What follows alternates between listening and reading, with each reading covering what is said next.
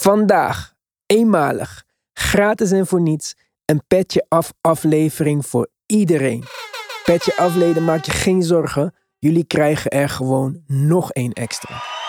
Om ook lid te worden van Petje Af ga je naar de basketbalpodcast.nl en klik je op luister op Petje Af. Het seizoen begint al over een maand en we gaan kijken naar de over en anders, de fits. We delen onze verwachtingen. We gaan ervoor zorgen dat jullie voordat het seizoen begint weer helemaal bijgepraat zijn. Wat dat nieuwe seizoen betreft, wij zijn nog steeds op zoek naar nieuwe mensen. Dus ben jij 25 jaar of ouder, in het bezit van een MacBook of andere Apple computer, heb je zelf gebasketbald of basketbal je nog steeds? Kijk je veel NBA-wedstrijden? Ben jij wel bespraakt, leergierig en in bezit van een gezonde dosis charisma? Stuur dan een video van jezelf waarin jij vertelt waarom je het nieuwe lid van de Basketbalpodcast moet worden naar info@thebasketballpodcast.nl of via DM op Instagram naar @thebasketballpodcast. Man of vrouw, maakt niet uit. Ook als je niet voldoet aan een van de eerder genoemde eisen. Ja, leg me dan maar uit waarom je alsnog vindt dat jij ons team moet komen versterken. Succes en hopelijk tot snel.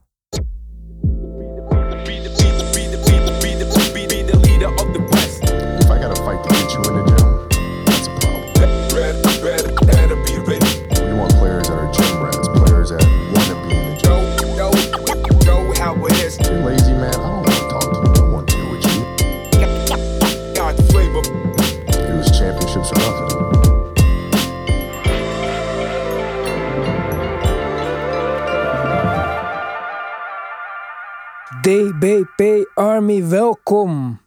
Deel 1 van onze Eastern Conference Preview. We gaan vandaag een, eh, een aantal teams bespreken. Voordat we gaan doen, even het laatste nieuws. Om te beginnen met eh, het pensioen van JJ Redick, vers van de pers. Hij beschreef zijn laatste seizoen als een zeven maanden oefening om zijn atletische sterfelijkheid onder ogen te komen. Heel poëtisch. Redick was de nummer 11 pick in 2006, speelde voor de Orlando Magic, Milwaukee Bucks, Clippers, Philly, New Orleans en Dallas. Hij is derde op de lijst van hoogste carrière driepunt percentage met een minimum van 4500 schoten achter Steph en Kyle Korver. Verdiende in zijn 15 seizoenen in de NBA maar liefst 116,4 miljoen dollar. En Redick wil zich gaan focussen op het vader zijn en de volgende fase van zijn leven. Iets wat onverwachts. Bleef wel een beetje lang wachten tot hij eindelijk ergens ging tekenen. Dus misschien toch niet zo onverwacht. Maar eh, ja, rijke carrière. Nick, wat springt er voor jou eh, bovenuit? Ik denk dat hij wel een van de beste catch-and-shoot driepuntschutters was die ik ooit gezien heb. Mijn broer was een heel grote fan van hem. Ehm, maar ja, wat mij het meeste bij is gewoon die, die playoff streak. Vind ik eh, ja, wel indrukwekkend dat hij het zo lang heeft volgehouden bij heel veel verschillende teams. Tot vorig jaar Ehm, bedoel je?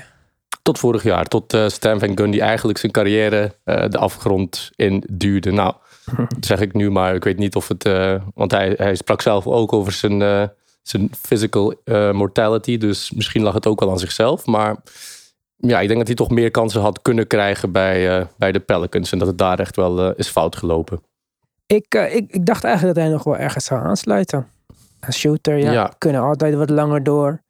Vorig seizoen niet Ja. het hoogste driepuntpercentage van zijn carrière natuurlijk. Maar ja, nog steeds had hij een dik salaris de afgelopen twee seizoenen. Hij heeft nog nooit voor een minimum contract gespeeld. Ik dacht, eh, die gaat nog wel even door. Maar Ja, blijkbaar bij de niet. Lakers of zo. Ja, Bij de. Lakers of zo kunnen ze. Net, ja, die wouden hem blijkbaar niet graag genoeg. Maar ja, de Lakers die zitten toch eh, een verzameling te maken van oudste spelers. Dus eh, misschien kloppen ze toch nog een keertje aan later. Overal waar eh, Ben Simmons naartoe gaat, kan je shooters gebruiken. Dus eh, ja. Ja, het- ik denk dat het niet aan een gebrek was aan eh, aanbiedingen. Want minimum contract, waarom zou je hem dat niet geven? Maar ja, misschien heeft hij echt zijn prioriteiten wat geswitcht. Dus ja, succes JJ Reddick met de rest van je carrière namens de Basketball Podcast. Wie luistert hem Hm. niet? Rick Smits wel, zoals je kan horen in onze laatste podcast. ESPN brengt een nieuwe show naar de buis. Malika Andrews wordt de presentatrice. Het gaat NBA Today heten. Hoe origineel. Geen Rachel Nichols meer, geen Paul Pierce en ook geen Chris Webber. Mark, nieuwe ESPN-show. Ja, dus jullie allemaal weten, Rachel Nichols gaat weg. Jump ook gecanceld. En in plaats van dat Malika Andrews en NBA Today... haar co-hosts of roterende gasten... zal Kendrick Perkins, Vince Carter, uh, Cheney zijn... Zach Lowe en Woj. En dan Ramona Shelburne, als ik me niet vergis. En het is elke dag om 9 uur uh, Nederland tijd. Dus dat is goed. Misschien gaat ESPN dat ook uitzenden. En uh, in principe is het hetzelfde als Jump. In-depth interviews, talks, announced analysis. Maandag tot vrijdag. Dus hopelijk uh, gaan ze wat van maken. Ik ben benieuwd of Malika Andrews genoeg ervaring heeft. Het is haar eerste show bij ESPN. Dus we zullen zien. Ja, Malika Andrews is natuurlijk het paradepaardje van ESPN. Naast Steven A. Smith volgens mij het hoogste contract in uh, Sport TV. Ja, alle hoop is op haar mm -hmm. gevestigd. Rachel Nichols heeft het vorig jaar een beetje verpest met die opmerkingen over Malika Andrews, als ik me niet vergis. Nee, Maria Taylor, plus. Ja, de andere ja. reporter. Oké, okay, andere reporter, ja. zelfde verhaal. Ja. ja, jammer voor Rachel Nichols. Paul Pierce was natuurlijk al eerder met zijn IG Live met strippers en uh, poker en drank uh, weg bij ESPN. Chris Webber ook weg. Vind ik niet zo erg eerlijk gezegd. Want uh, niet mijn favoriete analist. Ja, Paul Pierce ook niet echt, toch? Die ja. gaan we ook niet echt missen, denk ik. Hij, die zei ook maar wat soms. Ja, maar Chris Webber zit dan ook nog door die wedstrijden heen te praten. Oh ja, ja. En dat doet, tenminste Paul Pierce heb ik daar niet gehoord. Maar um, nee. ja, we gaan het zien. Uh, ik denk dat het gewoon een beetje hetzelfde is met een paar andere mensen. Want Ramona Shelburne en zo zaten ook gewoon bij de Jump. En Woj ook. En um, Zach Lowe ook. Dus uh, ik hoop dat die ene guy ja. ook niet meer komt. Hoe heet die? Die, uh, uh, de, die uh, Chicago man. De, nee, nee, nee, wat ik zei. De... Windy. Weg met Windhorst, hem. Ja. Windhorst, ja. Mijn andere ja, niet favoriete ja. presentatrice of analist is ook al weg. Die oude chick. Dus gaat de goede kant op. We gaan het zien. Hm. Hopelijk komt het op Nederlandse tv. Dat zou wel fijn zijn voor de wedstrijd. Dat zou leuk zijn. ESPN in Nederland gaat natuurlijk NBA uitzenden. Of het daar komt, uh, ja. De Clippers krijgen een nieuw stadion. Die moet opengaan in 2024. Na zes jaar procederen en onderhandelen moet het stadion van meer dan 2 miljard dollar er nu dan echt komen. Dat is natuurlijk een hoop geld. Steve Ballmer heeft ook al 2 miljard betaald voor de Clippers. Maar zijn vermogen werd recentelijk geschat op 100 miljard dollar. Of tenminste, het heeft de 100 miljard dollar gepasseerd. Dus wat voor hem deze hele onderneming in verhouding goedkoper maakt dan dat deze podcast voor ons is. Om het maar even in uh, perspectief te zetten. Zoals je weet van Steve Ballmer, het moet allemaal groter dan groot. Het wordt zo'n vijf keer groter dan het gemiddelde NBA-stadion. Dus uh, ja, hm. dat is echt het Steve Ballmer. Uh, ja. Ambitieus. Ja, echt. De naam wordt Inuit of Intuit Dome. Ik weet het niet. Uh, wie niet zo Intuit was in ieder geval is uh, Kawhi Leonard. Hij zat daar niet geamuseerd toe te kijken hoe een of andere coverband met de energie van Steve Ballmer het feestje, feestje levendiger proberen te maken. Ja, weer een uh, classic Kawhi moment natuurlijk dat hij zat toe te kijken en zich niet leek te amuseren. Ook wel weer een beetje weinig in touch met met de, mm. met de huidige maatschappij, Steve Ballmer. Toch? Ja. ja. het is weer zo. Hij slaat altijd die flank mis. Hij leeft echt in zijn eigen wereld. Kan misschien ook als je zoveel geld hebt. Maar um, ja, we gaan het zien. De Clippers, uh, toch denk ik, ze kunnen alles proberen wat ze willen. Maar groter dan de Lakers gaan ze niet worden in Los Angeles. Ja, hoeveel mensen kunnen er in uh, het stadion van de Lakers? Oh, ik heb het, ik heb het, bij me. Ik heb het bij me. Uh, ja? De Lakers kunnen 19.000 mensen. 19.000. Nieuwe stadion van de Warriors is ook 18.000, dacht ik. Okay. Dus... Ja, dat durf ik niet uit mijn hoofd te zeggen. Ik had ja, wel ik de Lakers wel. opgezocht voor de zekerheid. Voor deze, maar uh, ja. ik ben benieuwd. Ja, je moet wel denken hoeveel stadions ze hebben in LA. Ze hebben ook net de grootste NFL-stadion gebouwd van anderhalf miljard. Nu zijn ze bezig met deze en ze hebben ook een nieuwe baseballstadion slaat nergens op eigenlijk. Het is gewoon uh, misbruik van geld, voor mijn gevoel. Ja, het nieuwe ja. Klippenstadion wordt ook 18.000 seats. Ik weet niet wat er dan uh, voor de rest zo groot moet maken. Misschien ook de andere uh, dingen die daar georganiseerd kunnen worden, evenementen of wat dan ook. Ja, ja. blijkbaar waren er ook heel veel, uh, was er ook een nadruk gelegd op goedkoop of goedkoop betaalbaar wonen, zeg maar. Dus dat er heel veel. Ja, hij heeft daar 80 miljard voor betaald. Ah, 80 miljoen, sorry. 80 miljard mm -hmm. zou een beetje dus, overdreven zijn. Ik ben benieuwd waar hij al die mensen gaat halen die, uh, die elke keer naar de Clippers gaan komen kijken. Ik weet het ook niet. Daarom zei ik al, ehm, zelfs met Paul George en Kawhi vorig jaar kwam de populariteit eigenlijk niet in de buurt van de Lakers. Dus ik betwijfel dat het ook maar ooit gaat gebeuren. Purple and Gold blijft toch, ja, Purple and Gold in LA. Dus ehm, succes, eh, Steve. en Ja, eh, neem een petje af, support the movement. Goed, gaan we verder met de preview van de Eastern Conference. We doen vandaag de ene helft, volgende keer de andere helft. We hebben in totaal natuurlijk een hoop teams te bespreken. Gaan we verspreiden over vier af- afleveringen. Zo komt iedereen uitgebreid aan bod. En zijn jullie weer helemaal op de hoogte voordat het nieuwe seizoen begint. Want dat begint over 30 dagen. Ja, het komt toch echt eh, Mhm. heel dichtbij nu, hè? Mhm. Ja. Oeh, Ja. Preseason begint ook, ook komende dagen. Dus eh, we gaan zien. Het wordt echt een spannend seizoen. Ja, het wordt interessant. We gaan deze ehm, preview onderaan beginnen. En dan gaan we uit van de standings van vorig jaar. Dan blijft het nog een beetje afwisselend. Er zitten er misschien nog een paar leuke teams tussen. Als we van de power rankings gaan kijken, dan wordt het misschien een beetje saai. Helemaal onderaan, vorig jaar in de Eastern Conference, de Detroit Pistons. Mark, heb jij voor mij odds of cijfers over wat er aankomend seizoen wordt verwacht van de Detroit Pistons? Ja, dus natuurlijk, vorig jaar waren er niet eh 1 82 wedstrijden. Dus ze eindigen met eh 20 overwinningen, 52 losses. Verliespartijen. en als je dat... eh, sorry? Hoe zeg je het weer? Oeh, oeh, ik moet even inkomen met Nederlands. Mhm. Maar als dat adjusted, dan hebben ze uiteindelijk 23 overwinningen en 59 eh, verlies, eh, keer verliezen, verloren. Dus, eh, en voor dit seizoen worden ze verwacht om 23 overwinningen te hebben. en, eh, 23. 23 Zo. overwinningen. Dat is precies hetzelfde als vorig jaar. En in principe is, zou je denken dat ze zijn alleen maar beter geworden. Dus eh, ik denk dat ze gaan meer dan 23 overwinningen krijgen. Ik denk het ook, maar ik denk niet veel meer.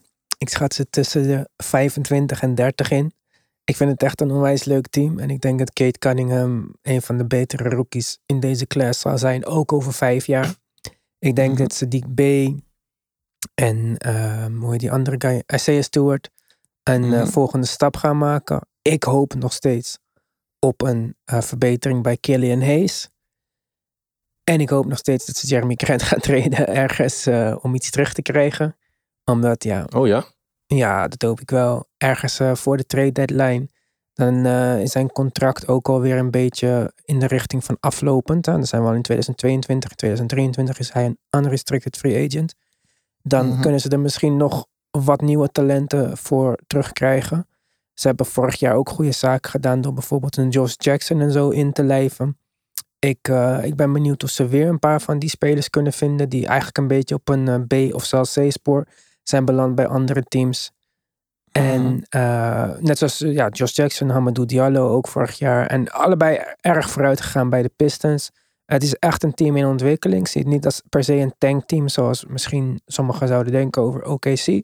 Maar ik zie het echt als een jeugdontwikkelingsteam. Om zoveel mogelijk talent bij elkaar te verzamelen. En erachter zo snel mogelijk achter te komen wie van die eh, de nieuwe kern gaan worden. Daarom vind ik persoonlijk dat Jeremy Grant daar niet in past. Omdat ja, Mhm. zijn, zijn leeftijd is niet in diezelfde lijn als die eh, toekomstige kernspelers. Dus ja, uh, trade hem naar een team wat hem echt kan gebruiken. Geef Jeremy Grant playoff basketbal terug en krijg er twee goede spelers voor terug. Stel je voor, Is Ja. Jeremy, is Jeremy Grant een van de oudste van, de, van het team nu dan? Want hij is nou de wat is hij, oudste. 26? Nou, De oudste? Ja, Jeremy Nou, Grant is eh, 27 jaar oud. ja, Ja. de, de oudste is toch Olenek, zou ik denken. Ja, en Corey Oh, Joseph is daar ook, natuurlijk ja. ook wat ja, ouder. precies. Maar En Mm. stiekem een goede move is die eh Kelly Olynyk contract. Want eigenlijk hebben ze een mogelijkheid om hem te treden voor een first round pick of een speler. Want hij heeft een 12 miljoen contract. Dat is Ja. iets dat een van de grotere teams zal sowieso willen hebben als ze cap space willen maken. Dus ik, zelfs die Kelly Olynyk van de bank en Mhm. voor die 12 miljoen contract was echt een bijzonder goede move in mijn eh, eh, opinie. Ja. En ik zou, ik zou Kate Cunningham en eh, Jeremy Grant graag naast elkaar zien. Jeremy Grant is gewoon die eh, vooral verdedigend. En eh, Kate Cunningham hoeft zich daar dan minder van aan te trekken in ieder geval. ja, maar Dus, Kate eh, Cunningham is de point guard. hè? Ja, precies. Maar ja, in ieder geval komt er minder verdedigende druk. Ja, die er sowieso niet echt was. Maar ik, ik zie ze perfect. eh, want Jeremy Grant kan wel aanvallen. Maar ik, ik- het is niet echt een speler die ik eh, heel veel verantwoordelijkheid eh, zou geven naast Kate Cunningham. Dus hij zet een stapje terug aanvallend. Hij kan dat verdedigend eh, oplossen. En ja, ik zie ze wel naast elkaar, eh, naast elkaar spelen. 27 jaar vind ik ook niet zo oud. Dus Ja, maar het is wel een stuk ouder dan 20 jaar, wat de gemiddelde leeftijd is van Ja, de basisspelers van de Pistons. En Jeremy Grant was vorig seizoen goed voor 22 punten per wedstrijd. Mhm. Dus dat is best wel een hoop. Daar nam hij 17,5 schot voor. Dus Ja, eh, die schoten zou ik liever verdelen onder de jonge spelers. En ik denk niet dat we in alle eerlijkheid, zelfs Wouter, die dit niet luistert, eh, kunnen verwachten dat binnen drie of vier jaar de Pistons ja, echt een playoff kandidaat zijn. Dus Nee. dan, ja, tuurlijk, als je, als je niks eh, bijzonders ervoor terugkrijgt, hou hem. En probeer zoveel mogelijk wedstrijden te winnen. Ik weet niet of hij een goede prof is, maar allicht is hij een goed voorbeeld voor de nieuwe eh, jonge spelers. Maar ja, als jij hem kan eh packagen, zijn eh 20, komma nog wat miljoen contract Mhm. samen met Olinik. En je kan daar bijvoorbeeld een, een jonge speler eh, Mhm. voor terugkrijgen die net zijn eh, max extension heeft gekregen. Of zoiets dergelijks. Dan eh, denk ik dat je goede zaken kan doen. Mijn verwachting is niet, maar wat zoals ik zei, mijn verwachting is niet dat de Pistons over drie jaar contender voor de achtste plek in de NBA.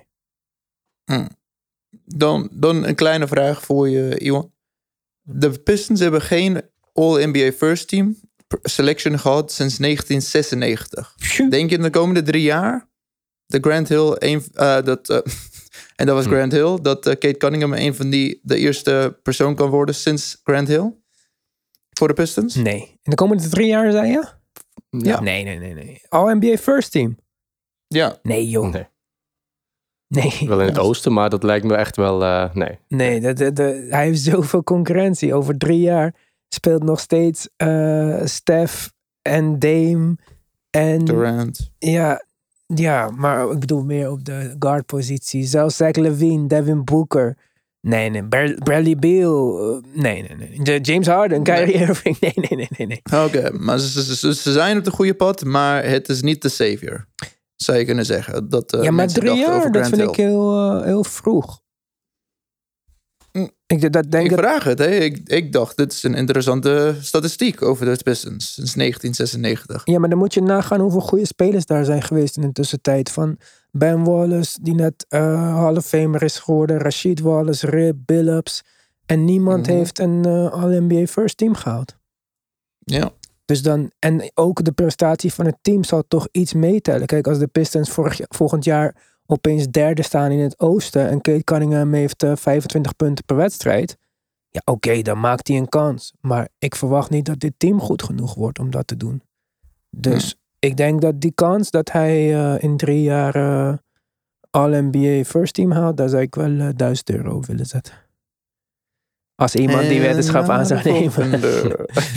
Eh, nee, dat Hard wordt vandaag nog niet. Ja, snap je? Dus nee, ik, ik zie die kans als, eh, als zeer klein. Oké, oké. Maar iedereen over eens, ze gaan boven de 23? Mm, ja, Ja. maar Overwinningen, hè? Niet 23 veel. overwinningen. ja, Nee, niet veel. Maar boven, het- dat is over-under. En de vraag is, gaan ze over? Iedereen zegt ja. ja. denk ik wel, ja. Goed, Maar ze gaan niet het slechtste team zijn in de NBA volgend jaar, denk ik. Dat, eh, denk ik ook niet. Ze hebben te veel ja. leuk talent. Er moet toch iemand iets bij elkaar. eh. Kijk, ze, maar ze Hm. kunnen zelfs ook een stuk beter zijn dan dat. Hè. Maar dan moet bijvoorbeeld Killian Hayes een grote stap maken. Als Killian Hayes een grote stap maakt en Kate Cunningham is meer NBA ready dan dat hij ehm, heeft laten zien in die eerste campo, of wat het ook was. Dan, ehm, ja, dan, dan denk ik dat ze wel bijzonderder kunnen zijn. Met een line-up van Killian Hayes, Rick Bay, Kate Cunningham. Ja, misschien wel een Olenek of eh, naast een Jeremy Grant. Maar misschien een eh, Diallo. ehm, ja, Isaiah Stewart zou ik leuk vinden. Ik zou het leuk vinden als gewoon met de jonge jongens gaan spelen. En eh, proberen zoveel mogelijk wedstrijden te winnen. En ga je er veel van die wedstrijden kijken? Hangt ervan af Pa- hoe kut het is. Ja, ja. In het begin, ik ga ze zeker kijken. Want ik heb, ik heb al een paar keer gezegd, ik denk dat ze heel leuk worden. En eh Killian Hayes was een van mijn favoriete spelers in die draft. Ik had hem eh, net zo hoog. eh, ik had hem hoger zelfs gezet dan dat hij uiteindelijk gekozen is. Dus ik heb nog steeds vertrouwen in hem. Goed, ik had ook heel lang vertrouwen in Ben Simmons. Misschien is mijn vertrouwen niet waarop je moet banken. Maar ja, ik ga ze wel kijken. Ik denk dat het een leuk team wordt om te kijken. En als ze dan uiteindelijk een wedstrijd verliezen met eh 10 punten of zo, vind ik dat niet zo erg. Maar als het eh blowout na blowout na blowout wordt, ja, dan, dan ga ik niet meer kijken. Ja. Maar zeker, Ja. zeker zijn zij een van mijn eh, League Pass teams. Is het een League Pass team voor jullie? Ja. Nee. Ja. ja, voor jou wel? Zeker. Hm. Dit jaar wel. Goed. Gaan we verder met de Orlando Magic. Vorig jaar waren ze, hadden ze 21 overwinningen, 51 eh, keer verloren. Eh de adjuster is dan 24 overwinningen en eh, 58 keer verloren.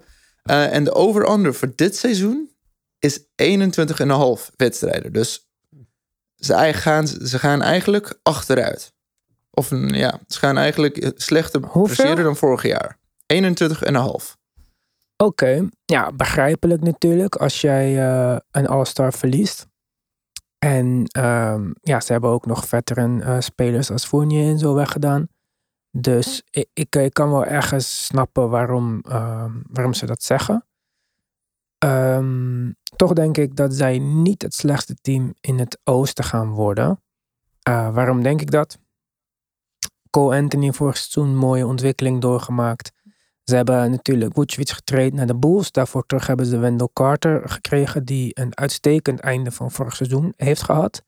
Eh, zijn backup Mhm. zal Bamba worden. Die moet zich gaan bewijzen het laatste jaar dat hij eh, onder contract staat. Ooit, toch ooit ook een nummer 6 pick. Eh, in principe de tools om een, om een goede center te worden. Dan komt Markel Fultz terug. Die hebben ze natuurlijk gemist een groot gedeelte van het afgelopen seizoen. Die zal ehm, denk ik, hopelijk, samen met Jalen Suggs de backcourt worden. Jalen Suggs, een Mhm. van de meest indrukwekkende spelers uit de afgelopen draft. Vijfde gekozen, eh, zou naar Toronto gaan. We kennen het verhaal allemaal. Fantastische paar wedstrijden gespeeld. Misschien een van de meest NBA-ready spelers van de afgelopen draft. En ik denk dat als je hem hebt met Fultz, zet daar een shooter naast in Terrence Rose, die ze nog steeds hebben. Een uitstekende catch-and-shoot, three-point shooter is. Zet daar een fitte Jonathan Isaac naast. Zet daar een Wendell Carter naast. Ehm, ja, ik weet niet. Ze hebben nog die Frans Wagner. Die schijnt ook eh, heel interessant te zijn. Die heb ik nog niet zoveel gezien. Zijn broer Mo Wagner natuurlijk ook op dit team. Maar die Frans Wagner was een eh, top 10 pick. Dat eh, kan ook nog iets worden. Ja, ik zeg je eerlijk. Ik denk wel meer dan eh, 21,5 wedstrijd. En ik denk sowieso dat ze niet de laatste worden. Als ik kijk naar het volgende team wat we gaan bespreken. Dus eh, ja, ik, ik weet niet wat jullie ervan vinden. Voor mij is het niet direct een eh League team. Maar het zou me ook niet verbazen als ze beter zijn dan de Pistons volgend jaar. Mm, ja, nee, daar ben ik het niet echt helemaal mee eens. Ik, eh, ik zie niet echt... Ja, Jalen Suggs, daar ben ik het wel mee eens. En, en alles wat je zei over die spelers ook. Maar ik denk toch dat ze, dat ze wel het slechtste team van de NBA gaan worden. Ik, ehm, ja, ik verwacht een soort comeback season van Markel Fultz. Maar ja, ik, ik begin te vrezen dat hij toch zijn verwachtingen niet echt gaat inlossen. En- oh nee, hij had sowieso niet de nummer 1 pick verwachtingen eh, waarmaken. Nee, nee, nee, maar gewoon zelfs, ja, zelfs de lage verwachtingen die er nu nog zijn. Eh, en dan heb ik het op de, over de, de Reddit-pagina van de Orlando Magic, die ik net ook even, even door, doornam. Mhm. Ehm, ja, Mark, Michael Carter Williams, nog zo iemand die, eh, die ook door de Sixers gedraft is, denk ik, en heel erg teleurstelde. Rookie of the Year. Ik, ik zie het. Wat zeg je? Rookie of the Year, toch? Rookie of the Year, ja, dat was zijn, eh, zijn, zijn piekmoment eigenlijk. Eh, en eh, ik las ook iets van dat alle ja, van de laatste vijf picks van de Sixers. Dat, er, dat ze echt een belachelijk laag aantal driepunters hebben gescoord. Dus Mark- Michael Carter Williams, Fultz, Simmons. Ehm, nee, ik, ik voel het echt gewoon niet. Ik, ik, ik, ik heb wel hoge verwachtingen van Sucks, maar ja, al de rest sucks. Dus ik, ik voel hem niet bij deze. Dus ik, ik call het bij deze dat het het eh, slechtste team in het oosten en allicht ook in de NBA gaat worden. Oeh, wil, je wedden dat het niet het slechtste team in de NBA wordt? Ehm, ja, voor 30 euro. Dus jij zegt ze worden het slechtste team in de NBA, toch? Ja. Dat is wel echt een slechte weddenschap aangezien er 29 andere teams zijn. Ik zeg Maar dan moet jij ook een team zeggen die slechter gaat zijn. Dus maar kan ik... e- Oh nee, maak even de... We kunnen alle maak drie, even? Maak Als- even jullie, eh, jullie weddenschap af, dan heb ik statistieken hierover. ja, dus welk team denk jij dan dat de slechtste gaat zijn? Nee, ik weet niet welke. Ik zeg alleen dat de Magic niet de slechtste gaan zijn. Uh, nee, nee, nee. Ik wil alleen maar een één op één uh, weddenschap. Anders uh, zijn de odds echt te slecht. Oké. Okay. Helaas. Nou. Kan ik komen met mijn statistiek dan? Kom maar met je statistieken. De Magic zijn alleen één keer, hebben alleen één keer in de laatste 13 jaar de slechtste, in de laatste 15 jaar de slechtste records gehad in de NBA. Eén keer. Hmm, okay. En dat zelfs met slechte spelers, goede spelers, alles. Dus, uh, en dat aantal was 20 overwinningen in 2012, uh, 11, 12. Dus uh, zodat jullie weten, ik denk dat de Magic niet als laatste gaan beëindigen. Dat is niet in hun DNA. Maar winnen is ook niet in nee. Zeker niet. Second to last uh, DNA is dat. Uh, maar ja, oké, okay, leuke stat wel, maar we gaan het zien. Ik, ja. uh, ik, ik wil ze sowieso wel een keertje zien spelen, maar ja, zoals ik al zei, geen League Pass team voor mij. Voor jullie? Nee. Nee. Cleveland Cavaliers, Mark Go. Cleveland Cavaliers, vorig jaar 22 overwinningen, 50 uh, keer verlies, verloren. Uh, over 82 wedstrijden, dat zou 25 overwinningen zijn. En 57 keer verloren. Uh, en de over-under voor 2021-2022 is 27,5 overwinningen. Nou, daar geloof ik absoluut niet in. Ja, dat vind ik echt hoog. Ik ook. En um, ja, ik, uh, dit is misschien een van de teams die ik uh, minst begrijp in de hele NBA. Na de Pelicans voor mij denk ik de slechtste GM uh, in de NBA. Ja, waar moet ik beginnen? Je hebt twee spelers in de backcourt die elkaar grotendeels overlappen. Is het niet alleen al omdat ze allebei superkleine illige guards zijn. Colin Sexton en Garland, allebei scorers. Sexton een hele goede scorer zelfs. Bijna 25 punten per wedstrijd vorig seizoen. Maar goed, ja, niet de ideale combo in de backcourt. Helemaal defensively nee. niet. Dan heb je voorin uh, Jared Allen gesigned voor ontzettend veel geld. Je signed een center die praktisch dezelfde skills heeft als um, Javel McGee voor um, ja, 25 keer zoveel geld. Terwijl je overal, je bent niet aan het contenten of zo. Ik weet, ik weet niet waarom je deze speler uh, zo belangrijk vindt. Goed, een jonge center. Misschien past hij in de timeline met Garland en Sexton. Die ik dan nog niet bij elkaar vond passen. Je draft Evan Mobley op de positie waar je 40 miljoen betaalt aan Kevin Love, die nooit meer ooit meer van zijn leven gaat spelen. Uh, op diezelfde positie zijn je Laurie Markkinen, die ja, nergens anders heen komt. Dus tegen wie was je aan het opbieden? Oké, je hebt Sadie Osman, die al uh, jaren zogenaamd uh, heel goed is, of goed kan worden. Ricky Rubio zijn je als backup voor die point guard. Nou, ik zou hem maar gelijk starten ook, want het is misschien wel de meest verstandige speler in dit hele team. En de rest van je team bestaat uit Taco Val. Niet uh, te vergeten hoeveel belangrijke minuten die in Boston heeft gespeeld. En dan Mitch Ballock, Mifundu Kabengele. Dat was uh, Mart Smeets uitspraak van de naam. Uh, RJ Nemhart, Isaac Okoro, Kevin Pangos, Lamar Stevens, Broderick Thomas, Dean Wade. En trouwens een hele goede producer is iemand met zijn naam. En Dylan Windler. Ja, ik... Nee, dit is voor mij het laatste team in de NBA. Ja, ja ik zou eigenlijk daar overheen moeten zijn. Ze hebben ook in de laatste drie, uh, drie jaar niet boven de 21 wedstrijden gekomen. En de enige voordeel is dat ze hebben best wel depth, diepte in hun team. Maar voor mijn gevoel, Kevin Love is uh, if. Je weet niet wat je gaat krijgen uit alle spelers. Uh, gaat ik zie niet spelen, niet voor toch? me. Ja, dat is zijn if. Dat we hem zelfs gaan zien de hele seizoen. Dus, uh, Gaat zie spelen vanwege blessure of omdat hij zit te wachten Vanwege- op een... vanwege trade? alles. Ja, ik denk dat, ik Ja, dacht dat ze ja. gewoon samen hadden besloten dat hij niet meer gaat spelen. Oké. Mm, dat ben ik gemist dan, maar het zou best wel kunnen. Ze hebben hem nog steeds best... Ze, hij moet nog best wel geld krijgen. Dus, eh, Ja. Best wel heel veel. mm, Ja. dus eh, ik denk dat ze, zo, dat ze eigenlijk 21 wedstrijden op, op zijn max gaan winnen. Hmm, Oké. Ja, ik had ze op eh, 27 wedstrijden. Ik had ze misschien tweede of derde slechtste team in de NBA. Maar ik geloof nog altijd wel dat Ricky Rubio zijn IQ toch het meeste uit, de, uit het team gaat halen. Ondanks dat hij eh, ook geen goede verdediger is. En, dat, eh, en in dat opzicht, dat Ja, hebben ze wel beter dan nodig. Garland In, en Sexton in ieder geval. beter, ja, omdat hij...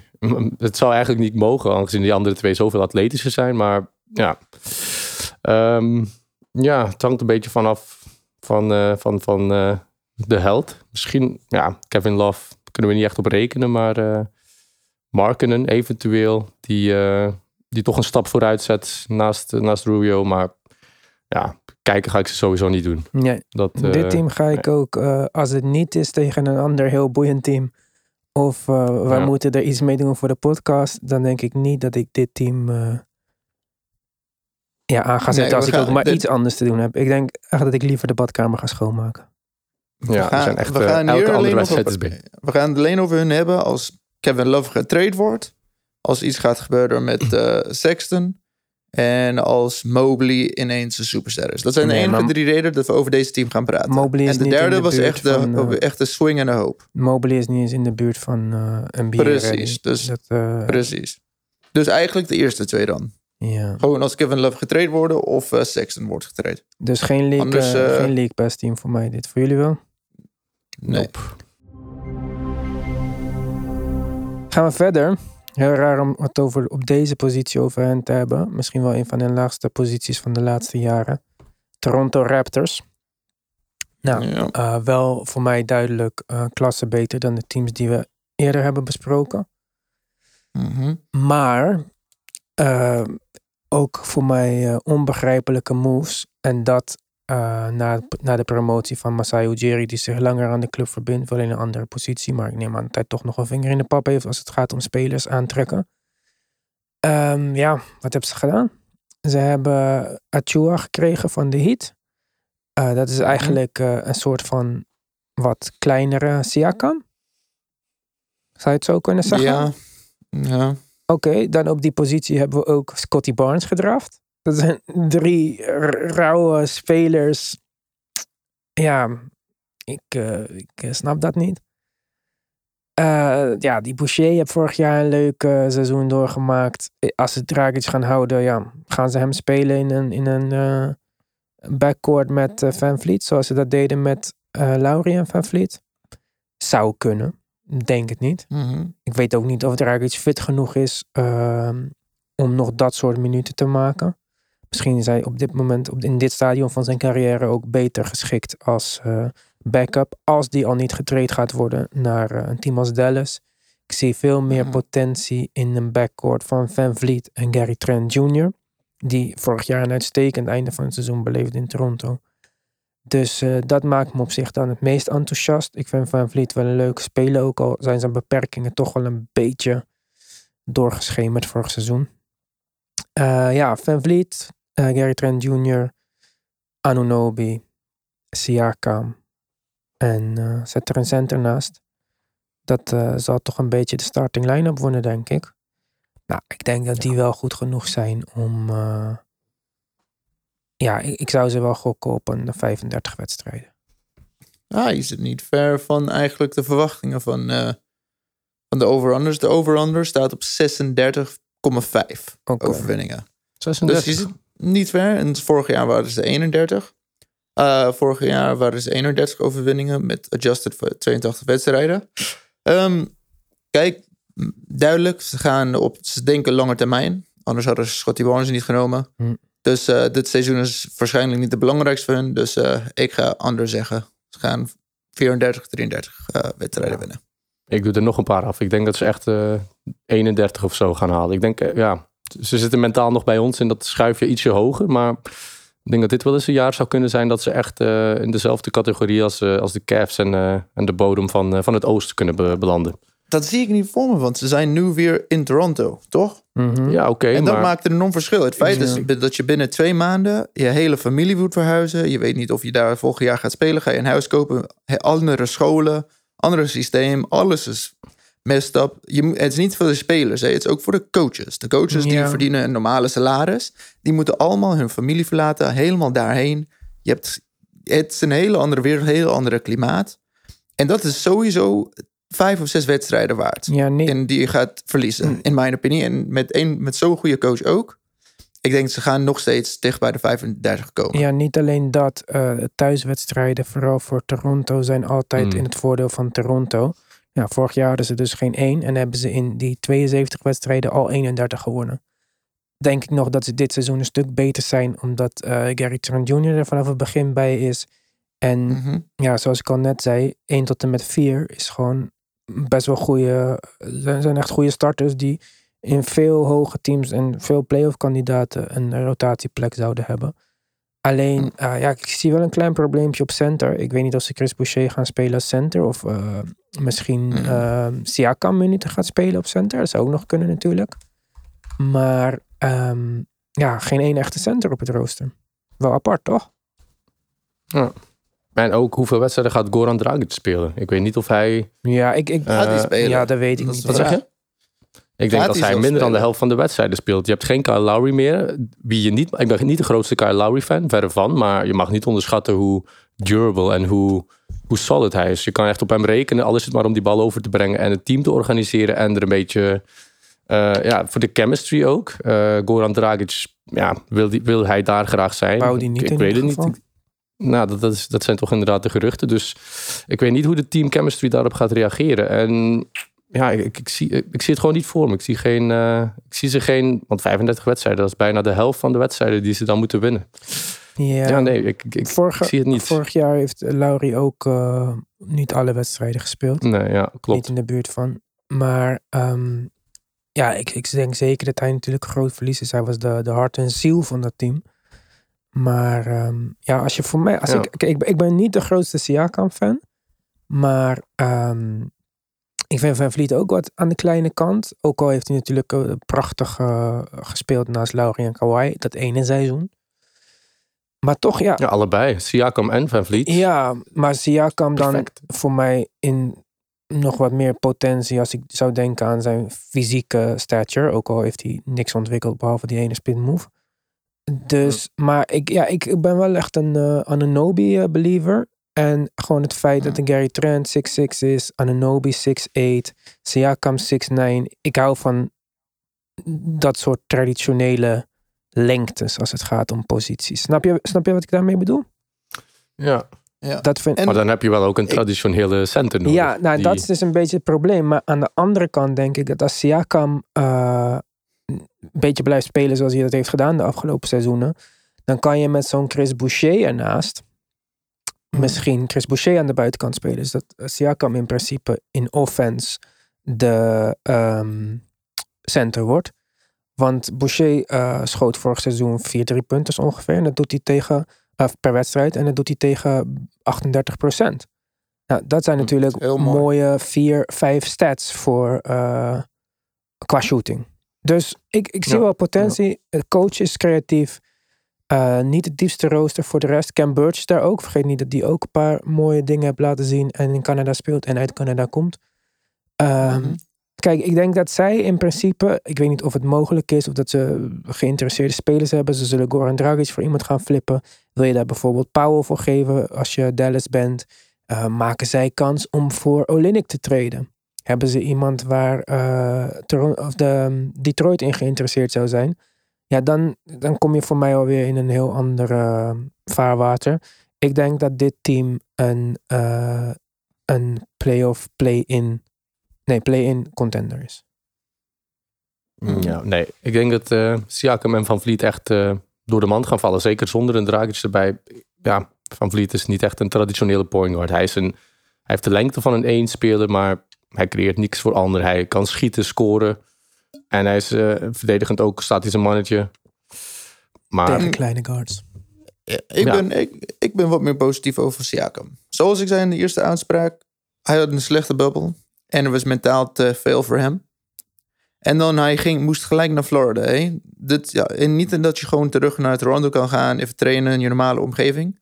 En misschien heeft hij dat nodig. Dus ik denk dat we gaan wat meer bounce back zien van hem.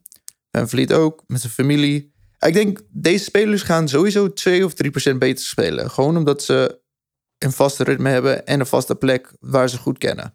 Dus eh, ik verwacht zelfs met, zoals hele goede punt over Boucher, uit, uitstekend zijn drie punt en wat hij deed. En dat misschien met zoveel flexibiliteit, omdat ze long en stretchy en rangy zijn, dat ze eigenlijk daar niet te veel problemen zullen komen. Alleen tegen een paar teams, zoals de 76ers of de Nuggets. Daar gaan ze eigenlijk alleen in de grote problemen komen. Verder, ik durf te zeggen dat ze het wel kunnen redden. Misschien hebben ze wat meer moeite. Hmm, ja, wie heeft eigenlijk een uitstekende center verder dan dat? Niet, niemand. Ja, dus wat Dus, is eh, jouw... Dus wat, Hoeveel wins? Ja. Ik zei 35. ik ook toch, of niet? ja, Ja. precies. Dus onder, net onder hun eh, verwachte over-under. Oké. Ik zeg 36. Nick, heb jij dit? 29. 29? Oké, dit hadden we natuurlijk even aan het begin van de podcast Allemaal allemaal, moeten moeten opschrijven. Dus gaan we nu Ja. even snel doen. Ik Toronto. was aan bezig. Eh, was je bezig? Ja, ja, nu bij deze was ik begonnen. Ik had echt net een Ja. nieuwe Word-bestand geopend. Oké, ja, ik ook. Maar dan doe jij het. Gaan we verder met Chicago. Eh, Mark, kom maar met je statistieken. Ja, vorig jaar 21, 31 eh, overwinningen, 41 keer verloren. Adjusted, dat is 35 overwinningen en 47 eh, eh, ja, keer dat ze gaan verliezen. Die kan- krijgen niet zo goed. En de over-under voor 2021-22 is eh 42,5 overwinningen. Oké. Oké. Dus eh, veel hoger dan vorig jaar. Dat is zeven wedstrijden hoger. En eh, dat zou eigenlijk een van hun hoogste, eh, eh, hoogste aantal overwinningen sinds de Jimmy Butler, Dwayne Wade en Rajon Rondo dagen. Oké. Dat was 41 in 2016-17. Shocking dat dat zo laag Zodat eh, was. iedereen op de hoogte is. Ja. Dus eh, nou ja, handig om te weten. dit is natuurlijk wel een van de teams ja, waar je misschien ehm, ja, eh, de meest verhoogde verwachtingen van hebt. Eh, heel ander team dan vor- vorig jaar. Ze hebben eindelijk een eh startende point guard. Ja, dat zeg ik dan eindelijk. Eh, ik weet niet wat het voor Kobe White betekent, maar ik neem toch echt aan dat Lonzo gaat starten in de backcourt naast Zach Levine, die natuurlijk fantastisch heeft gespeeld op de Olympische Spelen. Daarnaast, ehm, traditioneler gezien, DeMar DeRozan. Als hij de Spurs kant op gaat, speelt hij power forward. Maakt niet zoveel uit. Hij zal de wing ehm, bezetten samen met Patrick Williams. Met natuurlijk Vucevic als ehm, startende center. Tenminste, ik, ik neem aan dat jullie dit met mij eens zijn. Ik zeg dit eh, heel overtuigend. Mhm. Maar ik, ik zie Ja. geen enkele andere mogelijkheid. Of Alex Caruso Ja. moet eh, echt eh, iedereen eh verbazen. Maar dat denk ik niet. Ik denk dat dat een heel slecht contract wordt. Wel voor de diepte, prima. Alex Caruso. Tony Bradley is best wel een goede backup center, vind ik. Ehm, ik ben benieuwd wat er met Kobe White gaat gebeuren. Misschien gaat hij wel zijn draai vinden als ehm, backup eh, guard, six man. Zou leuk zijn. Hij is natuurlijk een energieke guard. Zo, ja, we hebben het al eerder gezegd. Eh, Voor mij hangt alles eigenlijk af van Patrick Williams. Eh, op papier denk ik dat het er beter uitziet dan dat het in het echt gaat lopen. Ik denk dat het een. ehm, ja, dat het moeilijk wordt om de bal te verdelen in halfcourt. Eh Lonzo Ball vind ik natuurlijk heel goed. Fantastische ehm point guard in mijn ogen. Uitstekende match met Zion. Waarom? Omdat hij voor mij beter is in transition, unselfish. Ik weet niet echt wat hij gaat doen in het halfcourt eh, systeem van de Bulls. Zijn catch-and-shoot three-pointer is on- onwijs eh, ontwikkeld. Dus misschien maak ik me zorgen om niets. Terozen en Levine en Vucevic, alle drie eh, fantastische halfcourt spelers, scorers. Eh Vucevic altijd goed voor, eh, eh, ja, bij de Magic voor een gemiddeld team die net niks is. Dus eh, Ja, en uitstekend shooter van, van de driepuntlijn. 41% vorig jaar. op hoeveel attempts? Vier. Per wedstrijd? Ja, Oh, dat vind, even dubbel checken. Ik had het... dat vind ik, dat is beter dan dat ik wist.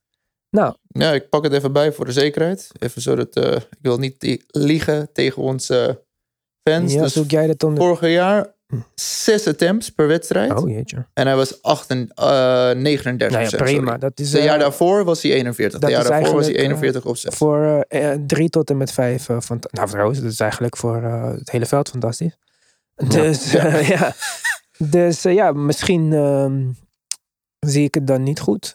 Ehm, Ja, het werkte niet vorig jaar in de eerste, in de eerste paar maanden. Dus ja, maar het was ook geen Lonzo Voor- bal.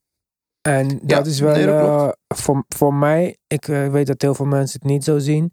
Maar als we het over puur point guard skills hebben en team, ehm, teamplay, dan, dan vind ik hem echt heel goed. Hij is echt een teamspeler, geen egoïstische speler. En dat is ook precies wat je nodig hebt naast de Mar Rosen en Zach Levine en Vucevic. Niet dat ik zeg dat zij eh, ontzettend egoïstisch zijn, maar dat zijn wel spelers die ervan houden om wat te creëren met de bal in hun handen. Dus, Ja, en Mhm. één ding waar ik echt, ik denk gaat een enorm groot verschil maken, is dat Billy Donovan is nog steeds de coach. Mhm. En met point guards heeft hij wel bewezen dat hij het beste vanuit kan halen. Westbrook's beste seizoenen zijn onder hem geweest. Uh, je hebt echt enorm goede seizoenen gehad van Schroeder die ene jaar, van Chris Paul Revival. Dan heb je ook met uh, Ja. SGA. Dus ik denk, als je best, hij kan ook het beste uit Lonzo brengen. Ja, ik snap dat. Hm. Maar met backups als Stanley Jones en, en Derek Jones en Alex Caruso. Ja. En niet best, maar ik zeg dat al, we, pra- we gingen praten over Lonzo. Hè? Ja, ja, ja. Maar ik ik bedoel denk gewoon dat ze het van... beste gaat krijgen Ze zijn all in gegaan op een soort van eh, all-star starting five line-up. Mhm. Die, ja, ook al wist ik eh, even niet dat Vucevic zo goed kan schieten, vind ik ze nog steeds niet echt bij elkaar passen. Ik kan wel een beetje voorspellen dat eh, Nick daar waarschijnlijk een andere mening over heeft. Dus eh go Nick. Mhm. Ja, nee, ik vind het wel. Je zegt ze, ze hebben de bal enigszins nodig om te creëren, maar het is niet zo dat ze niet graag de bal delen of niet graag passen. Je hebt spelers zoals Carmelo die, die zelf voor zichzelf graag creëert, maar die ook niet graag past. En ik denk dat dat bij de Rosen en Vucevic wel anders is. Zeker als je een Lonzo Ball erbij hebt, wiens eh onzelfzuchtigheid wel gewoon besmettelijk kan zijn voor het team. Hetzelfde met Caruso. Dus als ze altijd, ten alle tijde één van die twee spelers op het terrein hebben, gaat die bal wel meer bewegen dan, dan wat jij verwacht, denk ik. Plus zou moeten. daarbij dat. Ja, plus daarbij dat het is niet zo dat eh, wie de bal krijgt één tegen één gaat eh, proberen creëren voor zichzelf. Ik denk dat de bal echt wel, eh, zeker onder leiding van Billy, Billy Donovan, ehm, ja, wel, wel flink gaat bewegen. Lonzo Ball, ze kunnen eigenlijk allemaal schieten. Verdedigend, ja, de beste forward van de tegenpartij kan verdedigd worden door Patrick Williams. Dus aanvallend hoeft hij geen vijf punten te scoren. Dus ja, inderdaad, ik denk dat ze misschien wel ja, top 5 van het oosten kunnen halen. En ik geef ze 45 eh, overwinningen erbij. Dat denk ik niet. En even terugkomend Hm. op eh, de Marle Rosen. Je zei eh, Carmelo Anthony, een van mijn favoriete spelers. Altijd verdedigen natuurlijk. Als je het Hm. gelijk aantal seizoenen bekijkt van allebei, dus dat is voor Carmelo Anthony tot en met New York en voor ehm, de Rosen zonder de Spurs, dan komen ze allebei op hetzelfde aantal assists uit. Dus eh, als je die laatste twee, drie seizoenen bij de Spurs eh, niet meetelt, dan is de Rosen in ieder geval op papier in ieder geval een net zo willige passer als Carmelo Anthony. De Rosen, zei ik. Ik weet niet of ik Rosen zei. Maar in ieder geval, Mhm. ehm, ja, ik denk dat het eh, projected win totaal wel gaat kloppen. 42. En ik zou eerder zeggen 42 of minder dan plus 42. Zelfs als het helemaal gaat draaien, denk ik dat het niet vanaf dag 1 is. Mm, ja, ik zeg over, maar ik zeg echt net. Ik zeg eh, 43 overwinningen. 43, ik zeg eh 45 of meer. Zet ik er dan tussen haakjes bij. Zeg ik- Jij zegt gewoon Dan 43? zeg ik 42 Ja. of minder. Ja, dat zet ik er ook bij. Mark gewoon 43. Lekker in het midden. Die kan echt maar één kans goed hebben, maar oké.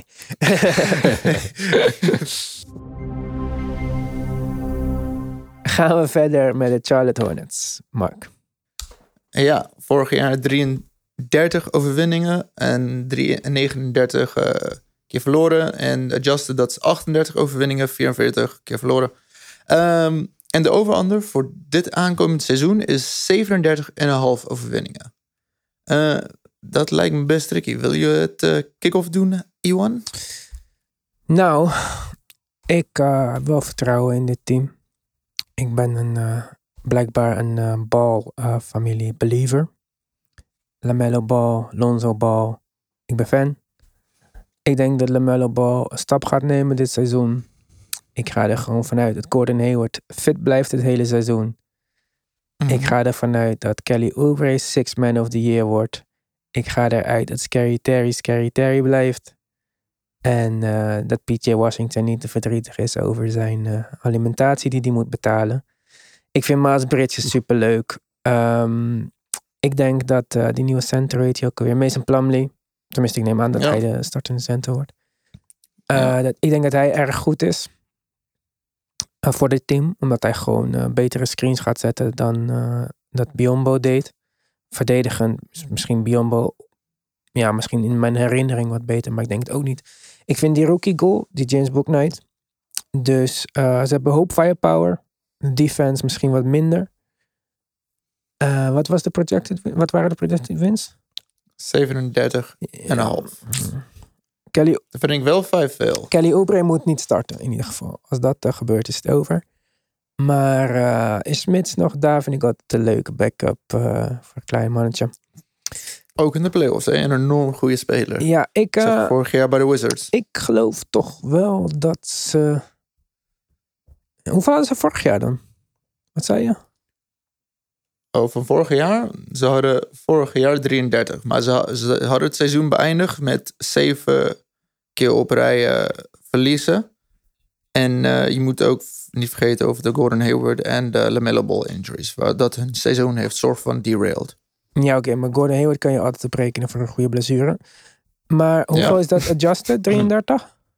dat was, vijf, uh, dat was 38 adjusted. Ja, en ik denk wel dat ze beter zijn dan vorig jaar. Dus dan, als de projectie 37 is, dan zeg ik uh, 37 over. Ja, oké. Okay. Ik zeg uh, 41. Oké. Okay. Zo. Nick? Oké. Okay. Ik uh, ga er, wacht hoor, 47? Nee, wat zei je, 41? 41. Ik uh, ja. ga daar ietsje onder. Ik, um, ja, wat je al zei, Gordon Hayward geblesseerd. Dat kan je, kan je gewoon al neerschrijven. Um, Lanse bal gaat sowieso, um, Lamello bal gaat sowieso wel een stap voorwaarts zetten. Um, ik ga okay. voor. Mm, ja, ik weet niet, om een of andere reden heb ik niet zo'n vertrouwen in dit team. Zeker Kelly Oubre erbij vind ik ook niet echt passend. En hij is ook iemand die, die wat te bewijzen heeft, die graag veel wil spelen, die niet van de bank wil komen. En dat... Ja, maar hij moet van de bank komen hier. Oké, okay, maar dan gaat hij ongelukkig zijn en dan gaan ze toch. Ja, ik weet het niet. Ik, ik, uh, ik, ik zie het niet zo. Ik zie de Michael, Michael Jordan uh, impact, dat je dat niet ja, maar... kan zeggen, zeg maar. Hij gaat sowieso niet starten boven Gordon Hayward. Of misschien hoopt hij uh, dat de Gordon Hayward gewoon geblesseerd gaat zijn. Hij gaat ook niet de plaatsen nemen van Miles Bridges. En ja, dus ik, ik zou niet weten. Ja, hij wou bij Golden State al niet van de bank komen indien Clay Thompson zou terugkomen. Dat zei hij letterlijk in een interview. Ja, dacht ik al okay. van ja. Misschien was dat het laatste beetje zelfvertrouwen wat hij nog had. Uh. Ja, misschien was dat de ego-check die hij nodig had. Ik hoop het. Maar ik, ik denk toch dat ze um, 34 of minder gaan winnen. Oeh. Dus ja, toch uh, verrassend laag. Ik weet niet waarom. Of ja, ik weet wel waarom, maar ik, uh, ja, dat denk ik. Oké. Okay. Maar uh, League Pass team voor iemand? Voor mij zouden, zijn ze niet zeg maar op de vaste rotatie League Pass teams. Maar wel uh, een team wat, waarvan ik zou denken als het een leuke affiche is. Waarom niet? Ja, zeker wel, inderdaad. Dus niet omdat ik, ja, ik, ik zou ze wel graag kijken. LaMelo Ball vind ik echt een hele interessante speler. Ik wil echt zijn ontwikkeling ook wel uh, een beetje opvolgen. Um, ja, en verder inderdaad, uh, de rest van het team zitten ook leuke spelers bij. Dus ik, ik zou ze wel durven kijken als ze tegen een leuk uh, team spelen. Ja. Mark? Nee. Oké. Okay. Nee? Ja, jullie weten, ik ben, ik, ik ben niet de grootste LaMelo-fan en Gordon Hayward. Dus uh, vandaar dat ik uit het principe niet ga kijken. Oké. Okay. Oké. Okay. Maar je, maar schat, ze, je schat ze wel op 41 uh, wins. Ja, ja, ja. De meeste maar van ons Maar het verschil tussen leuk kijken, ja. Ja, okay. precies. Maar je vindt, je vindt ze wel goed dus? Ja, de Boston Celtics vind ik uh, zijn echt saai om te kijken, maar ik kijk ze wel. Okay. Ja, dat ik een fan ben. Oké, okay. ja, oké. Okay. Indiana Pacers, zeg het maar, Mark. Vorig jaar hadden ze 34 overwinningen, 38 keer verloren. Adjusted, dat is 39 overwinningen en 43 keer verloren. Dit seizoen worden ze uh, verwacht dat ze 42 de over-under is 42,5 overwinningen. Mm. En uh, ik denk sowieso over. Maar Hoeveel denk je? ga je gang, Iwan. 42,5. Oké, okay. nou, um, Indiana Pacers voor mij altijd uh, een van de saaiste teams. Um, Torrey Craig, onbegrijpelijk dat die man altijd zo weinig geld verdient. Ik vond hem echt fantastisch bij de Suns vorig jaar. Ik denk dat het een groot gemis gaat zijn voor de Suns. Ik denk dat het een mooie um, backup speler is voor de Pacers. We hebben een holiday, uh, we hebben er twee holidays natuurlijk. Oh nee, eentje, want die andere is weg. mm. ja, de beste is weg. Dus uh, kut voor hun. Jammer. Jeremy Lamb was vorig jaar goed, maar Caris LeVert is er nu ook. We hebben TJ McConnell, die altijd irritant goed uh, invalt. TJ Warren gaat terugkomen. Die was natuurlijk in de bubble eh, superstar. Maar eh, nog steeds blijft dat die Sabonis, eh, Miles Turner, ehm, frontcourt, ja. Ik, zie toch echt limitaties daarin. Ehm, ja, hoe goed is Caris LeVert?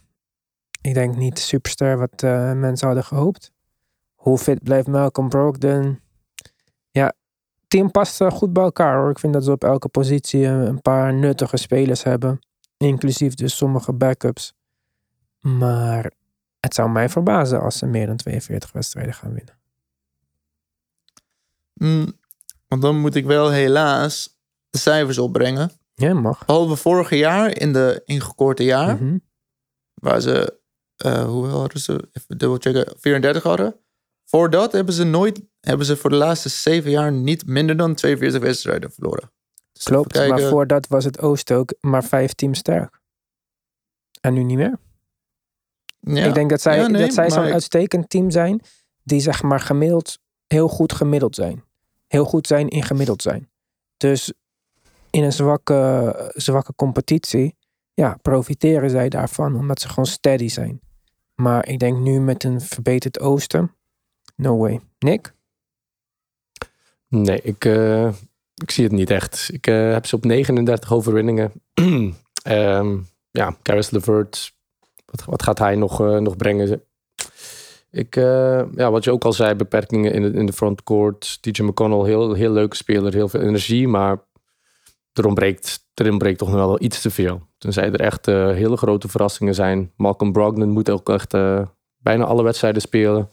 Dat Als lijkt me wel een kans die niet gaat voorkomen. Nee, precies. Dus vandaar heb ik ze ja, zo tussen haakjes laag ingeschat. Ik denk inderdaad de voorbije zeven jaren zijn niet te vergelijken met het team wat ze nu hebben. Dus eh, ja, 39 wedstrijden of minder. Ja. Ja, ik zeg eh 44 wedstrijden. Moet niet vergeten, Rick Carline, overal waar hij naartoe gaat, eerste seizoen, worden ze, hebben ze 50 wedstrijden gewonnen. Eh, hij kent de organisatie. Hij gaat een first season coach, die niet eens kon praten met de spelers, vervangen. En ja, hij, dat was wel de slechtste coach aller tijden, ja. ja, en ze hebben nog 34 wedstrijden gewonnen in een kort seizoen. Zonder een van hun beste spelers. Dus je moet denken, Sabonis gaat veel betere rol krijgen. En veel meer. En dan eh, Turner ook. Die was ook geblesseerd eind van het seizoen. Dus we doen alsof deze team eh, rampzalig is. Maar een of ander meer presteren ze altijd goed. En nu hebben ze misschien hun beste coach sinds Frank Vogel in 2013, 14. Ja, maar ze hebben ook Dus eh, Sorry dat ik je onderbreek, maar zoals Nick al zei, de backup guard is nu TJ McConnell. Die mhm. backed up Malcolm Brogdon, die in zijn carrière 75, 48, 64, 54 en 56 wedstrijden per jaar heeft gespeeld. Vorig jaar hadden ze daar natuurlijk een van die holiday approaches die het ontzettend goed deed als backup guard. zeker. Dus ik, ik zie, ze hebben geen eens een fatsoenlijke backup point guard. En als dus Brogdon hoe dan ook eh, 20 wedstrijden gaat missen blijkbaar, minimaal, dan start McConnell. Hmm. En Brogdon is al niet echt een echte point guard, vind ik. En ik weet niet hoe goed die Chris Duarte is. Maar ja, die is, eh, het is een rookie. Ik vind niet dat je van hem iets van kan verwachten, echt. En ik dacht ook dat hij meer een shooting Nee, guard was. Hij staat de point guard hier op het, op het eh, papier. Maar ehm, nee, nee. Ik, eh, Maar je, je denkt niet dat via Jeremy Lang, Caris LeVert, uh, Kelman en TJ McConnell... dat ze genoeg balhandling hebt. Tussen die vier spelers. Dat ze genoeg wat hebben? Genoeg balhandling hebt om ik die dacht paar al die je zei minuten... genoeg borderline. Ik dacht dan, nou, ik weet het niet hoor. Nee, nee, nee, nee. genoeg balhandling hebt. Nee, dat denk ik niet. Oké. Mm, Of Levert moet All-Star level halen. Ik ben Ja. benieuwd. Ja, dat lijkt me wel sterk, maar... Ja, maar dat was een Je hebt beetje... ook Miles Turner, die nu... Miles Turner is nu ook drie punten gaan schieten. Ik zag een filmpje dat die... Of ja, een filmpje, een eh, post dat hij er eh, 94 uit 100 raak schoot. Dus, ja, die eh, kan je ook vinden van ben eh. Simmons. Ja, nou, Hebben we het toch gezien? Zo, het waren er echt opeenvolgende, 100 opeenvolgende. Geen eh, highlight shooting clips eh, zoals elk Ja, jaar. Miles Turner is over zijn carrière een 35% driepunt shooter. Dus het is niet gek om te denken dat eh, hij wat Hmm. schoten kan nemen. Maar ja. Ja. volgens mij in de afgelopen twee jaar ook in trade rumors geweest, toch? Ja. En nog steeds wat mij Mhm. betreft, eh, ja, ik, ik, ik verbaas me nog steeds dat Boston niet voor hem is gegaan. Ik denk dat dat een uitstekende aanvulling was geweest op Tatum en Brown. Maar Zeker. ja, ja sorry, ik, eh, ik zie het niet dat ze 42 wedstrijden gaan winnen. Dus ik zag sowieso under en voor mij ook geen League Pass team. Nee. En denk je dat ze een eh playoff team worden? Ja. Mm, Ja, met 44 overwinningen sowieso wel. ja, Maar ja, onder 42 is nog steeds Zijn wel team, eh, praten bijna we over lot, playoff spots, die acht of die zes zekere spots, of praten we erover ook nu? Nee, nee, nee. Acht alles geüpdate, dus die... Nee, nee, nee, nee, nee, helemaal anders. is top 10. Is ik zeg play-in Nee, team. nee, Top 6. ik vind Is een playoff is als je de play-ins gewonnen hebt en dan in die Maar dan top is het top zit. 6. Maar, dat, maar, dat, maar nee, dan kan je top 10 zijn. Ik zeg dat ze, een play, dat ze in het play-in toernooi komen. En ze zijn niet de home team. Ja, dat denk ik ook wel. Maar denk- meer of ja. minder dan 39, Ivan? Mm, ja, ook 39, zoiets denk ik. Oké. Ik zeg, eh, ik zeg net onder, dus 42. Dat Je is, hebt eh, al half- 44 gezegd. Ja, nee, jullie hebben, jullie, hebben, jullie hebben goede punten gemaakt. De backup uh, ballhandler is wel echt een tricky positie. En eh Brogdon's gezondheid is altijd een issue. En Oké. Ja, zijn 42. bonus is één jaar geblesseerd geraakt. De volgende was Turner. Dus eh, het feit dat alle drie op hetzelfde moment eh, fit moet blijven... Ja, daar twijfel ik over eigenlijk. Dus eh goede punt, jongens. De Washington Wizards. Ja, ik denk dat ik het minst eh, positief eh, ben van iedereen over het team. Maar Mark, doe jij eerst de cijfers en dan eh, zou ik zeggen waarom. Ja, vorig jaar hadden ze 34, 34 overwinningen. Eh, adjusted, dat is 39 overwinningen het seizoen. En de over-under voor dit seizoen is 34,5. Dus vijf minder, of vijf, vier minder dan ze hebben vorig jaar gewonnen met een adjusted seizoen. Oké. Dus wat was de projectie voor dit seizoen? 34,5. En vorig jaar adjusted hadden ze 39 gewonnen. Oké. Dus eh, dat betekent dat Ze slechter eh, zijn dan Westbrook vorig jaar. telde voor vijf wedstrijden.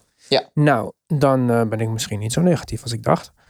Want eh, Ja. kijk, ik denk gewoon dat bijvoorbeeld, ook al zou ik het graag willen, Afdia en Rui Hachimura, ja, die hebben voor mij niet echt laten zien dat zij eh, ja, hun draftposities waarmaken. Allebei natuurlijk top 10 spelers, allebei 90 gekozen om precies te zijn. Eh Davis Mhm. Bertans, hele grote teleurstelling vorig jaar dat fantastische shooting year. Maar goed, eh, altijd goed als stretch eh, 4-achtig iemand. Thomas Bryant was geblesseerd geraakt. Het was toch een upcoming center guy.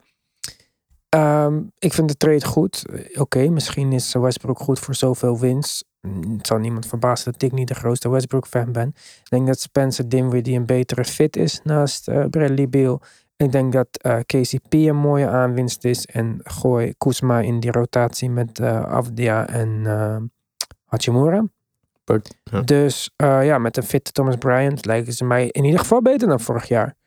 En niet slechter. En dan hebben we het nog niet eens gehad over Montrezero, die toch ooit Sixth Man of the Year was. Dus and rolls met Spencer Dinwiddie zie ik wel gebeuren. Beal had natuurlijk een uitstekend seizoen vorig jaar. En ik denk niet dat hij per se beter gaat zijn dit jaar dan vorig jaar. Ik weet ook niet hoe echt zijn cijfers zijn, zeg maar. Eh, nou, het lijkt er toch op dat hij niet getraind wil worden. Ja, ik, kan me niet voorstellen als, als eh Beal de laatste vier seizoenen van 22,5 punt naar 25,5 naar 30,5 naar 31,3.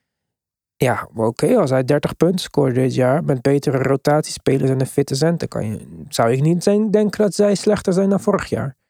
Dus ehm, nee, ik, eh, ik zet ze op eh 39 wins.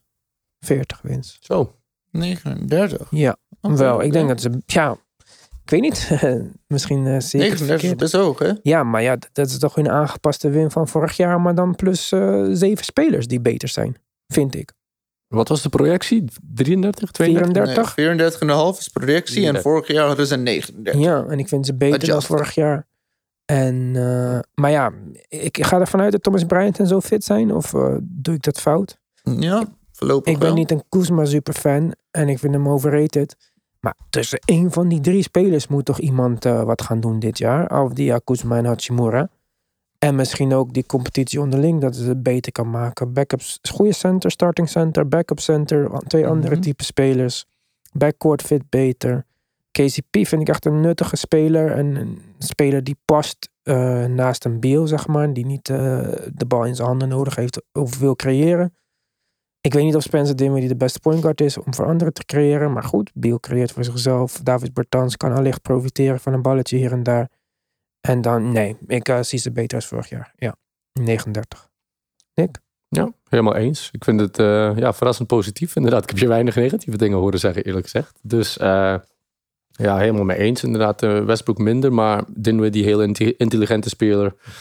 Ehm Dinwiddie Dat zeg je ook alleen maar aan. omdat hij crypto doet. dat, ja, ja, maar hij, ja, hij is ook een. Het eerste zicht leek hij nooit echt een point guard voor mij, maar dat kan hij wel. Ehm, dus ze hebben en, en ja, Caldwell Pope kan dat in principe ook wel een beetje, maar het is toch vooral Bradley Beal die duidelijk eh, de, de beste speler van het team is, nog meer duidelijk dan, dan de voorbije jaren. Hachimura die nog wel stappen te zetten heeft, zeker, maar als hij één stap vooruit zet, dan is hij toch alweer, eh ja, dat, dan is hij toch alweer een beetje beter. En dat eh, zal vooral defensief moeten, denk ik. Eh, offensief wordt niet heel veel van hem verwacht, maar als hij die midrange af en toe kan, binnen, eh, kan raakschieten, dan eh, hij moet drie punten Ja, dan gaat- schieten wel, vind ik.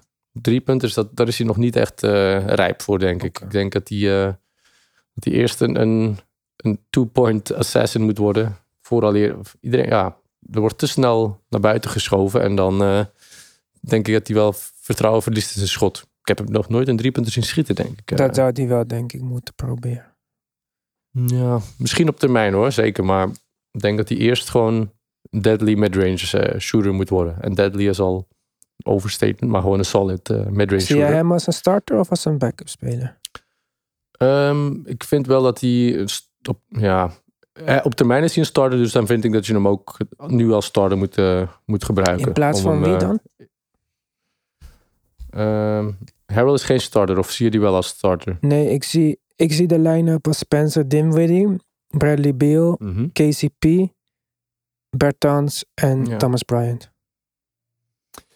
Ik zou KCP van de bank laten komen. Omdat, Defense. ja, ik weet niet, hij en Hij is een Hm? goede defender. Ja, goede defender, maar kan hij van de bank ook. Hij en Dinwiddie overlappen offensief vind ik eh, iets te veel. Ik denk dat Caldwell op perfecte, capabele vervanger is of, of benchplayer. En dat hij dat ook niet erg vindt. Oh, dat zie ik heel Ehm, anders. Ja, Ik zie Dinwiddie gaan als een point guard. Dinwiddie natuurlijk zijn beste tijd beleefd bij de Nets. Waar hij toen speelde, toen Irving geblesseerd was naast Caris LeVert. En ik vond dat hij dat eh, heel goed deed. Naast een, naast een veel scorende point guard. Ah, shooting guard, sorry. ja maar het zijn de, het zijn de twee... Het zijn de twee enige point guards die ze echt hebben om, om minuten te pakken. Dus dan wie, zou ik die niet samen laten starten. Maar KCP is geen point guard. Ik, ik zie hem wel als, eh, Nee. als iemand die de bal... KCP is 3 in die- die wing. Hij sta- staat ook wel point guard bij zijn, eh, bij zijn profiel. Dus eh, ik, ik, ik zou hem toch zo gebruiken in ieder geval. Ik weet niet wie anders de backup point guard wordt. Maar KCP lijkt mij wel iemand. Aaron Holiday. Maar ja, ik weet niet Ja, wie, anders eh, die rol kan Ja, opnemen. Aaron Holiday, dat heeft hij toch... Is- Is die goed ja, genoeg? dat, hij was de beste eh, guard bij de Pacers vorig jaar. Dus ik denk, Beter dan McConnell? Ja, En- wel zeker. Ik denk wel dat hij dat eh, gaat doen. En misschien dat als Dinwiddie naar de bank gaat, dat ze het zo de minutes eh, ehm, bij elkaar doen.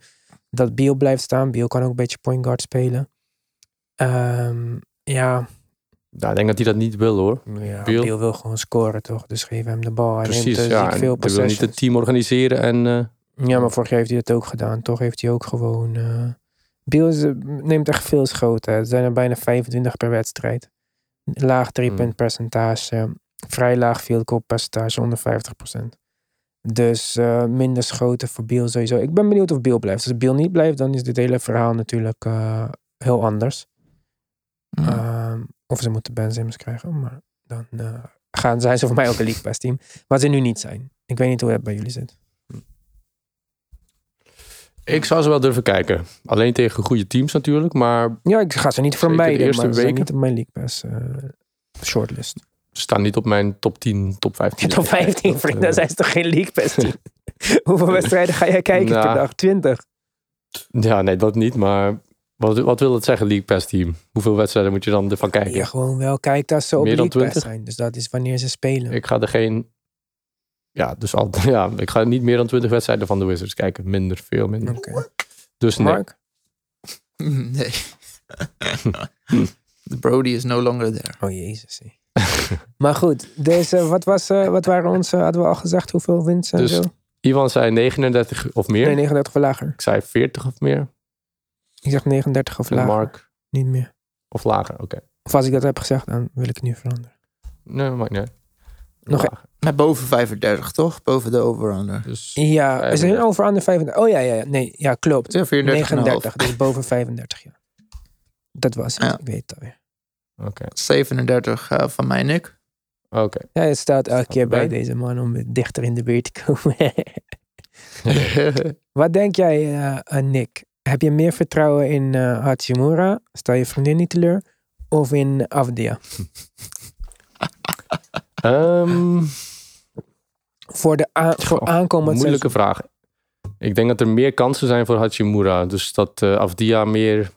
Ja, om, hij moet echt eh, beter gaan presteren dan Biel. Of hij, heeft, hij heeft meer concurrentie. Dus ik zie Hachimura wel, wel als... dat hij de grootste stap gaat zetten dit jaar. Oké. Dat Afdia tweede jaar in de NBA. En ja, hij heeft niet veel nodig om, eh, als, als hij een paar schoten mist of hij is niet helemaal aan, ja, dan gaat de coach eh, gelijk Biel er weer opzetten als hij er niet al op staat. Dus ja, lijkt me minder goed. En, en Hachimura kan beter schieten dan Harrell.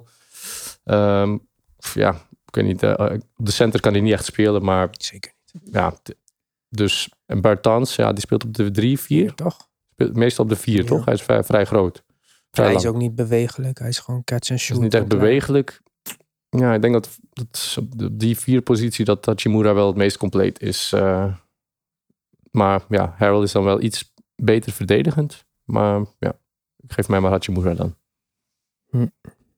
Ik zie ze toch anders, de spelers. Maar goed, eh, dit was het eerste gedeelte van onze preview. Een, deel 1 van 4. Volgende keer gaan we verder met de Western Conference.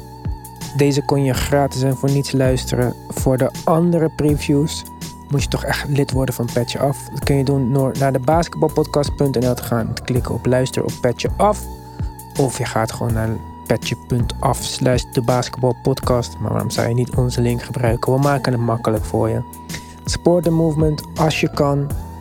Als je eh, lid wilt worden van de basketbalpodcast van ons team. Zoals ik eh, in deze intro ga zeggen, die ik nog ervoor moet plakken. Ehm, stuur dan je video zo snel mogelijk naar de basketbalpodcast DM op Instagram of naar info de basketbalpodcast. En wie weet eh, kom jij ons team dan versterken voor het aankomend seizoen. Voor vandaag wil ik jullie bedanken voor het luisteren. En eh, tot de volgende keer. Petje af. Snel. Later.